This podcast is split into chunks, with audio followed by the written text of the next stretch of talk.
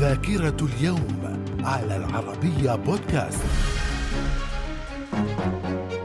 أهلا بكم مستمعينا الأعزاء ومن ذاكرة هذا اليوم في العاشر من نوفمبر من العام 1444 القوات العثمانية بقيادة السلطان مراد الثاني تتغلب على قوات الملك الصليبي فلاديسلاوس الثالث في معركة فارنا وأدت المعركة إلى مقتل فلاديسلاوس. في العام 1729 قوات مسقط تهزم البرتغاليين وتتمكن من تحرير مدينة مومباسا من الذاكرة. من ذاكرة العاشر من نوفمبر في العام 1891 المخترع الأمريكي جرانفيل وودز يحصل على براءة اختراع القطار الكهربائي الذي ظهر للمرة الأولى في تاريخ البشرية بعد سنوات من ظهور القطار البخاري. وفي العام 1928 الإمبراطور هيرو هيتو يتولى عرش اليابان. في العام 1952 استقالة السكرتير العام لمنظمة الأمم المتحدة تريغفي لي. من الذاكرة. في العاشر من نوفمبر العام 1975 رئيس منظمة التحرير الفلسطينية ياسر عرفات يلقي كلمة أمام الجمعية العامة للأمم المتحدة في نيويورك لأول مرة في تاريخ القضية الفلسطينية. وفي العام 1994 مجلس قيادة الثورة في العراق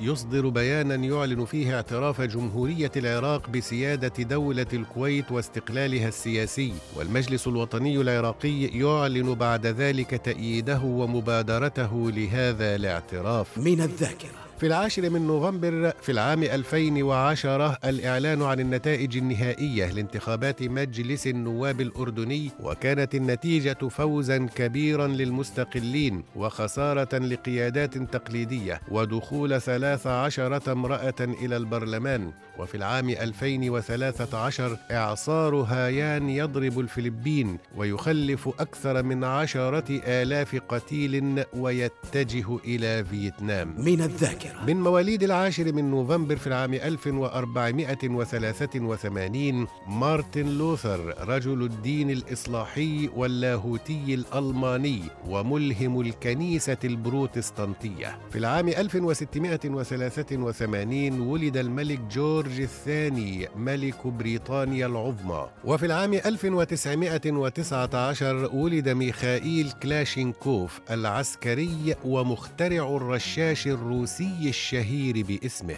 في العام 1920 ولد الأديب المصري والروائي عبد الرحمن الشرقاوي. وفي العام 1927 ولدت صباح المغنية والممثلة اللبنانية والشهيرة بالشحرورة. من الذاكرة. إلى اللقاء.